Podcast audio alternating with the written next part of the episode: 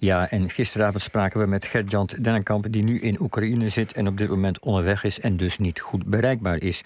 We hoorden hem al kort voorbij komen als verslaggever in de documentaire... en we waren benieuwd hoe hij de gebeurtenissen in Oekraïne... van af 2014 beleefd heeft... en wat er volgens hem het afgelopen jaar is veranderd ja, heel fijn dat we je uh, te pakken kunnen krijgen. Want als dit wordt uitgezonden, ben je op weg met ambulancebroeders richting het front. Moeilijk bereikbaar natuurlijk. Ja. We hoorden je in de documentaire kort uh, als verslaggever voorbij komen in 2015.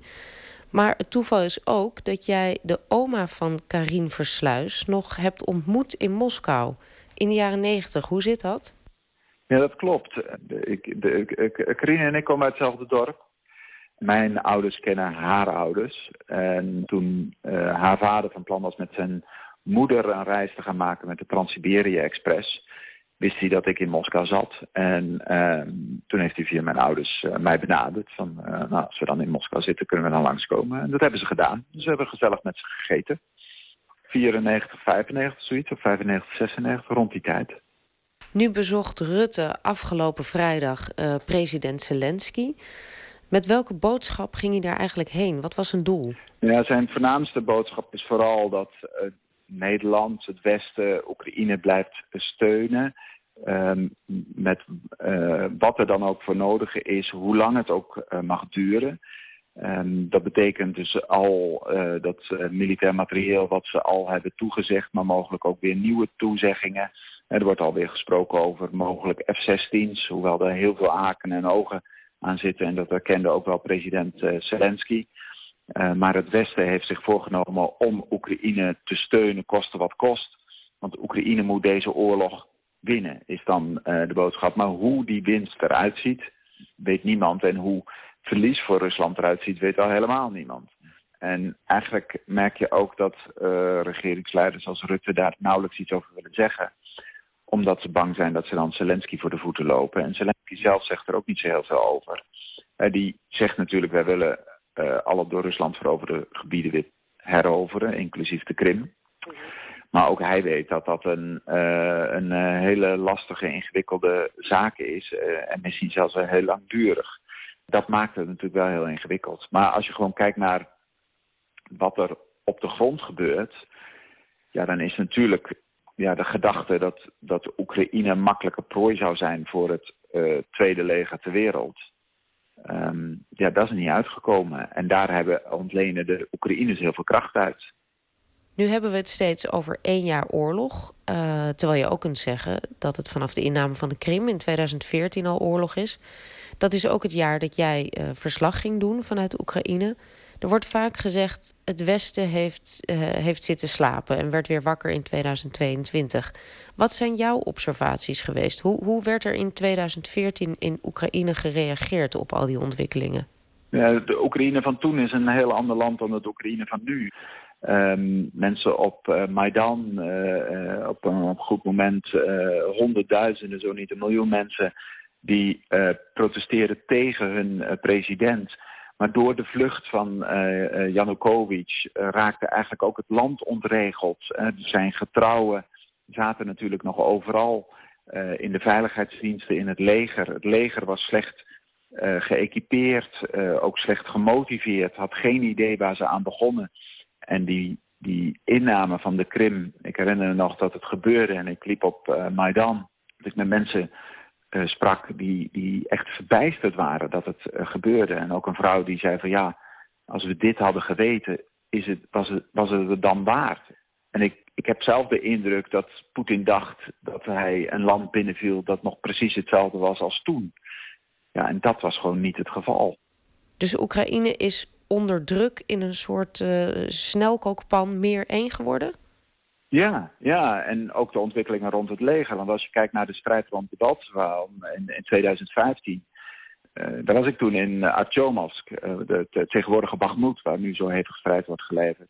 En de soldaten die daar werden verslagen door het Russisch leger en de separatisten, die waren echt verslagen. Die liepen soms als, als zombies door de stad. dus dat is een hele hevige strijd geweest. Uh, die Oekraïne heeft uh, verloren op dat moment. En de strijd rond de Baltseva toont op dat moment een verzwakt leger wat slecht georganiseerd was, wat niet op tijd zich had teruggetrokken, wat niet het materieel had om weerstand te bieden aan uh, de Russische opmars, die zich daar eigenlijk door heeft laten verrassen. Um, omdat Rusland zich niet hield aan een bestand wat was afgesproken. En, en op dat, uh, in februari zou er een bestand ingaan en een paar dagen daarna is uh, de Baltswa ingenomen. dat leger is nu gewoon een heel ander leger. dat hebben we het afgelopen jaar gezien. Dat is een leger wat tactisch de zaak op orde heeft, wat ondanks het feit dat men een kleiner is, minder apparatuur heeft, ook slechter apparatuur, materieel, in staat is om weerstand te bieden aan het Russisch leger. En was die Battle of the Baltseve, die slag om de Baltseve, een, een soort gamechanger? Dat ze zich daarna op, op moreel en militair vlak wel moesten gaan aanpassen? Nou, ik denk dat de hele strijd in 2014 dat was. Want daarvoor hebben we uh, gezien, waar ook het Oekraïense leger werd ingesloten, zich moest terugtrekken, wat tot heel veel doden heeft geleid. Debat waar ook honderden militairen zijn daar omgekomen bij die strijd.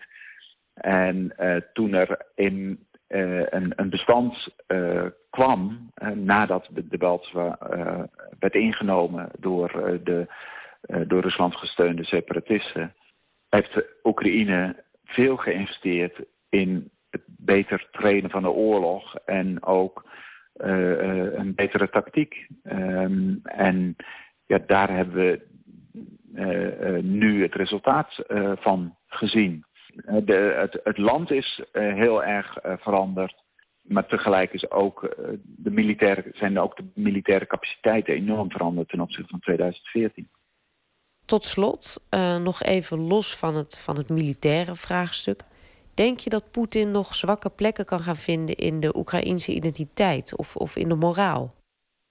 Nee, ik denk dat, uh, dat op dat punt Rusland deze en Poetin deze strijd al hebben verloren. Want je ziet gewoon dat uh, bijvoorbeeld de taal een enorme impuls heeft gekregen. Ik was afgelopen week bij een boekhandel in, in Kiev waar mensen hun Russische boeken kwamen inleveren. Om, omdat ze ze niet meer willen lezen of dat ze niet meer um, literatuur willen lezen van Russische schrijvers. Um, ik merk het in de interviews. Ik spreek Russisch. Um, mensen hebben daar op zich helemaal geen probleem mee. Maar steeds meer mensen uh, antwoorden in het Oekraïens. Dus je ziet dat die taal, de cultuur een enorm impuls heeft gekregen. Ook in Dnipro, waar misschien veel meer Russisch werd uh, gesproken heb ik een vrouw ontmoet die zegt van ja, ik spreek geen Russisch meer. Ik spreek alleen maar Oekraïens, omdat ze zelf had, dat hoort bij mijn identiteit als Oekraïner. Nou, en dat hoor je nu ook op andere plekken, bijvoorbeeld in Odessa, waar ook heel veel Russisch werd gesproken. En in die zin heeft, de Oekraïne, heeft Rusland die strijd gewoon verloren.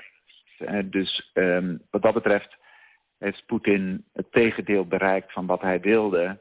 In de ogen van Poetin bestaat Oekraïne niet, maar door deze oorlog is uh, de eenheid van Oekraïne en het besef van mensen wat Oekraïne is, waar de taal voor staat, waar de geschiedenis van het land voor staat, is veel groter geworden. En dan is eigenlijk de vraag, kan Poetin door een gedeelte van het land bezet te houden, toch voorkomen dat dit land zich ontwikkelt. En ik denk dat dat ook is waar Zelensky ja, ook de gesprekken met het Westen over voert. Dat ja, natuurlijk niet zo moet zijn dat Rusland chaos creëert en alleen door die chaos al eigenlijk een soort winst uh, opstrijkt omdat dit land economisch kapot gaat of dat er politieke strijd ontstaat. Uh, nou ja, je kunt alle scenario's wel bedenken. Um, en ook daarvoor willen ze denk ik uh, waken. En, en, en Zelensky voert daar ook de gesprekken over. Ja, dat was Gert-Jan Dennekamp vanuit Oekraïne. En ik wil u in het kader van deze Oekraïne-uitzending ook graag nog wijzen op de podcast Stad in Oorlog van de collega's van Bureau Buitenland. Te horen in Bureau Buitenland op Radio 1 of in de podcast-app. De serie omvat het verhaal van de belangrijke Oekraïnse stad Kharkiv. Op steenworp afstand van de Russische grens. In vier afleveringen staat de stad en haar geschiedenis centraal. Haar helden overlevers, de volonteri, vrijwilligers die het naar het front rijden. En dit is de promo. Sinds de dag dat de Russen hier kwamen, ben ik een stad in oorlog. Bommen slaan kraters in mijn straten. Mensen vluchten of gaan naar het front. Mijn dochter zegt, mama, hoe heb je het allemaal doorstaan? Ik ben Kharkiv, stad in oorlog. Ga naar je podcast-app en luister Stad in Oorlog. Een podcast van VPRO's Bureau Buitenland voor NPO Radio 1.